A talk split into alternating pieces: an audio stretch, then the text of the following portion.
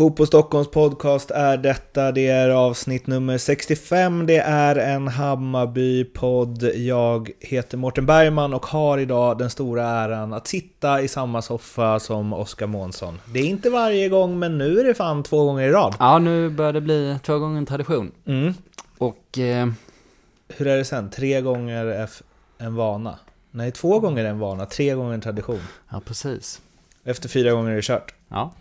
Vi har eh, bråda dagar nu får man säga, men eh, i Bayern finns det ju eh, väldigt mycket att ta upp såklart. Eh, må- många intryck, inte minst efter det här eh, derbyt som, ja, tjatigt, men det var ju något alldeles extra igen.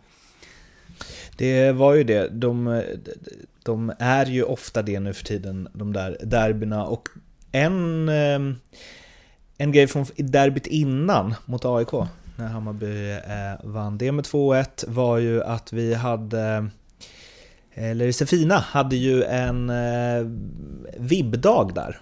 Eh, där det var den här vibblåsen som vi har pratat om några gånger i den här podden. Den gick ju av stapeln då och blev ju en eh, synnerligen lyckad eh, tillställning. Ja, jag snackade med Mattias Stjärnlöv som är marknadschef där på eh, Sefina och eh, han sa ju att de här personerna som varit i logen har fått rundvisning och eh, kanske skakat hand med Kennedy också. Någon av dem fick det i vart fall. Eh, var ju supernöjda med det här och eh, tror att den här magin på något sätt när man kommer, eh, när man är lite på plats före och får eh, känna på arenan och vara inne i omklädningsrummen och sånt att den dragningskraften är ganska stark. Dessutom spelar det ju ganska stor roll att man vann det här derbyt också för att eh, annars eh, är det ju en annan smak i munnen man har om man, om man torskar såklart. Och varför pratar vi så mycket om Sefina undrar ni kanske? Det är för att eh, Sefina är sponsor till Fotboll Stockholm och det vi har inte tjatat, men upprepat flera gånger i den här podden är ju det här VIB-kortet då, då som ju Eh, om man hade det så var man med i utlottningen till en plats i den här logen. Men det finns ju massa andra grejer där också. Ja precis, de var eh, vibbare de som var där men det finns eh, goda skäl att signa upp på det här kortet både eh, kort och långsiktigt eh, eftersom det är helt eh, gratis och man kan eh, vinna eh, olika saker som eh, har med Hammarby att göra i de flesta fallen. Men eh, också lite smått och gott annat. vib.sefina.se är det som gäller. Gå in där om du är bajare. Det är verkligen en bra grej tycker vi. Tack Sefina för att ni är med Fotboll Stockholm. Derby, ja. Hammarby vann med 2-1. Det var en första halvlek som var mållös där det var väldigt derbyt. Det var felpassningar, det var eh, Ehm, ganska slarvigt, kan bero på eh, liksom nervositet, eh, matchens betydelse, intensitet, eh, man vill mycket, får inte ut så mycket. Det var en första halvlek där eh, Fredrik Ulvestad och Jeppe Andersen tycker jag i alla fall, var de två klart bästa spelarna på planen. Deras spelsätt passar ju derbyn ganska bra. Sen rivstartar den andra med att Hammarby gör två mål och sen total scenförändring där Djurgården bara öser för att komma ifatt. Men inte lyckas och eh, ja, guldstriden tätnar. Precis, det var ju en utvisning som ändrade karaktär på den här matchen totalt. Första halvlek tyckte jag var, precis som du sa, typisk derbymatch. Eh, Djurgården har ju sitt grundspel och de, det är ju det som är deras stora styrka. Att de är så jävla trygga i den och, och den satte de hyfsat. Men sen så blev det lite det där derbyaktiga tycker jag att, att eh, Djurgårdens spelare tog det säkra för det osäkra hela tiden. Att man att man till exempel eh, slår den givna passningen eller man slår ett tidigt inlägg eftersom då gör man åtminstone inte fel. Eh, Man saknar den här lilla kylan. Eh, Så det begränsade Djurgården. För Hammarby kände jag en sak som jag har tänkt på ganska ofta. Att apropå de här perioderna som Hammarby gör, som jag aldrig sett något allsvenskt lag kunna göra tidigare. Att man, att man liksom kan bara fullständigt mosa motståndet i liksom så här 20 minuter och göra tre mål eller till och med fyra mål någon gång. Det var ju lite det vi såg i andra halvlek sen. Men i första halvlek så jag trodde ju att Hammarby skulle vinna det här derbyt, eh, vilket jag sa till de som var där, de kan intyga det i vart fall. Eh, och det berodde på, på högsta nivån man sett på slutet. Men man väntade på att liksom saker och ting skulle haka i vartannat, för att när Hammarby inte träffar där riktigt, så blir det lite otajmat att löpningarna kommer inte rätt och eh, spelarna eh, slår ut med händerna mot varandra, vilket liksom eh, eh, Tankovic och Djurdjic gjorde liksom. Att man märkte att det stämde inte riktigt. Men man väntade bara på att de skulle sätta den här tajmingen. För att det krävs ofta bara några få riktigt bra anfall i och med att de är så pass eh, skickliga och synkade när det väl stämmer. Mm. Så det var liksom det som Hammarby inte eh, fick till tyckte jag. Och sen så, apropå att det inte krävde så mycket. Det var egentligen två chanser i början av andra och då smällde det till. Um, och ja, det är ju mycket spetskvaliteten där. Simon Sandberg låg bakom två målen, men framförallt tycker jag att det är liksom Djurdjic och Kasaniklic, att eh, den självklarheten som finns i de, de avgörande lägena. Apropå mm. kylan. Och en spelare, förutom de här offensiva eh, stjärnorna, som ju eh, hade en minst sagt avgörande roll är ju eh, Davor Blasevic som blivit eh, ja, men ganska ifrågasatt ändå. Uh, och han har ju ett målvaktsspel där man, han står inte för den här tryggheten som Viland gjorde förra säsongen. Uh, liksom inläggsspelet, man vet inte riktigt hur han är där. Han har inte den, han har ingen eh, uh, förstemålvaktspondus. Men nu har han ju steppat upp alltså ändå. Ja, Billborn lyfte det på presskonferensen efter att ja, men vi har bara förlorat en match när Davar har stått. Mm. Eh, men jag delar de där intrycken helt och hållet. Mycket den här känslan, man vet inte var han, var han står, mm. hur bra han är och det beror ju bara på att han inte har testats på den nivån över tid helt enkelt. Um, men den räddningen han gör på eh, Kujovic nick på, mot slutet är ju liksom matchavgörande karaktär på den. Um, Gjorde några andra bra grejer också. Var väldigt aktiv i eh, uppspelen hela tiden. Att han eh, satte igång spelet effektivt och smart. Liksom istället för att man kanske tvekar lite i den här typen av matcher. Apropå att ta det, det säkra för det osäkra. Och om Vilands axel nu fortsätter att krångla. Dr. Månsson har ju tvivlat på den länge. Mm. Och det ska man ta på största allvar. det ska man. Då är det ju Davos som ska stå de här matcherna. Då kommer han en så absolut nyckelroll i en potentiell guldstrid. Och eh, Davor är ju 26 tror jag. Och för tre år sedan var han klubblös.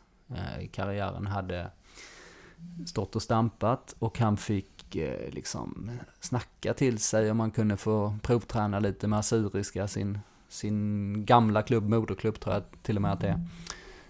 Um, och det var liksom på den nivån. Um, att han fick snacka till sig att spela med den typen av lag. Kan jag få vara med lite och visa, jag, jag kan, jag kan mm. ändå någonting här. Och sen på den banan då in i Hammarby i fjol. Um, eftersom man kände Billborn sen Brommapojkarna-tiden där de varit tillsammans och så vidare. Det är ju... Där finns ju en jävla story alltså. Och den storyn kan ju bli otrolig nu liksom med den här avslutningen. Eh, lite eh, underrapporterad. Det är Fotboll Stockholm ska ju vara där och berätta den. Vad lär vi oss av det då? Ge aldrig upp ungdomar. ja, det får väl vara eh, sensmoralen i den här historien helt enkelt. Mm. Sen så är det fortfarande att jag tänker, även om han, eh, som du sa, även om han bara förlorat en match, så det... Man tänker ändå så ja men det är ju inte på grund, eller det är ju inte tack vare honom. Så känner jag. Alltså så här, de hade ju vunnit med, alltså lite som när Magnus Persson vann SM-guld med MFF. Att säga ja, det hade alla gjort. Ish. Så är det, om man jämför med första alternativen är det ju så, förmodligen. Mm. Å andra sidan, han har gjort dåligt ifrån sig, så hade de eh, torskat mer än en match såklart. Mm. Så han har ju eh, hållit, men han har inte gjort så som han gjorde nu i derbyt. Mm. När det verkligen är där-läge. Att, han, att han till och med går in och plockar den här avgörande bollen också. Det är härligt det att, de, att Hammarby har honom och att Djurgården har Vajo. Ja, precis. Det är fint i det. Att så här, de som har kämpat i det tysta under många, många, många, många år. Ja, och eh, man tänker ju att allsvenskan tar ju ändå ganska stora steg. Liksom allting professionaliseras, det ställs högre krav och så vidare. Och då är det ju ofta att man behöver ha fått en viss utbildning och, och spelat ett visst antal matcher på hög nivå innan man kan leverera och sånt. Men det, det finns fortfarande utrymme för den här typen av historier. Nu väntar ju ett landslagsuppehåll, men efter det så ska ju den här eh, guldstriden avgöras och om resultaten slutar enligt följande i nästa omgång. Att AIK vinner mot Falkenberg, att Hammarby vinner mot Malmö, att IFK Göteborg vinner mot Djurgården. Så är det alltså fyra lag på 59 eh, poäng. Mm. Och det är ju inget helt omöjligt scenario att de tre grejerna inträffar. Nej, det är det inte. Och även om det inte blir exakt så, så kan det tajta till sig mot slutet ändå. Mm. Ehm, det är de här, kan mycket väl vara tre lag på 65 poäng. Mm. Ehm, alla fyra går ju mot, enligt min prognos, ungefär mot eh, 65. Det är ganska mycket som talar för att det blir en målskillnadshistoria. Ehm, och eh, då är det ju framförallt Hammarby och eh, Malmö som är i förarsätet. Där är ju AIK chanslösa. Djurgården har ju fortfarande en chans, men ligger, ligger lite efter där. Och då landar vi såklart i, utifrån 65 eh, poängs teorin, då är ju Hammarby-Malmö matchen eh, som det handlar om. Mm. Vi ska prata om det, jag vill bara först säga att om det står på målskillnad inför sista mellan Malmö och Hammarby, så det finns någonting i mig som vill att Hammarby ska ligga typ tre mål bakom och sen så tar de emot ett Häcken som har absolut noll att spela för, som i och för sig jag är fortfarande kvar i att Häcken är så här offensivt och det svänger. De har ju tajtat till det som fan. De släpper inte alls in så mycket mål längre. Men man vet hur det kan bli i sista omgångar i Allsvenskan om man sett genom åren. Ganska mycket målfester. Eh, vilket ju också var ett säkert kort eh, på betting för överspel i sista omgången. Nu har de ju rättat till sånt. Eh, men Hammarby-Häcken, om Hammarby måste jaga i kapp tre mål och få det tidigt, kan ju bli något helt sjukt. Ja, det är ju... För det kan bli 7-0 i en sån match. Alltså det kan. Ja, med sista omgångs eh, koefficienterna. Ja, precis. Ja, nej, eh, ja, ni, ja, absolut. Jag skulle säga liksom så här, men eh, den är ju inte alls som när vi slog fast eh, att Hammarby förmodligen kommer köra över Örebro och inte bara Nej. vinna utan förmodligen vinna stort. Och vi sa ju liksom 4-0, 4-1 och som mm. blev det 5-1. Um, men jag ser ju absolut liksom att en 3-0 eller något sånt där är mm. liksom fullt, fullt eh, realistiskt. Ett av de kanske mest tänkbara resultaten i, i ett sånt läge. Men jag hade velat se vad som, hur det ser ut på Tele2 om, Hammar, om det är kvarten kvar och det är så här, ja vi måste ju ha två mål till. Mm. Annars, är det skitsamma annars? Billborn har ju vevat mycket vid linjen. framåt, framåt. Har ju... Undrar hur, ja, vi får sätta en bodycam på honom på Billborn då. Uh, men först alltså Hammarby-Malmö som ju, eh, ja men förstås är det en match som eh, Hammarby gör bäst i att vinna om de vill sätta sig i ett bra läge inför de två kvarvarande omgångarna. Och det är ju då ett Hammarby som på hemmaplan i Allsvenskan har gjort 6-2, 5-2, 2-1, 3-0, 6-2, 2-1, 5-1 på de sju senaste. Och alla vinster då. Det är liksom 6 5 och 6 5.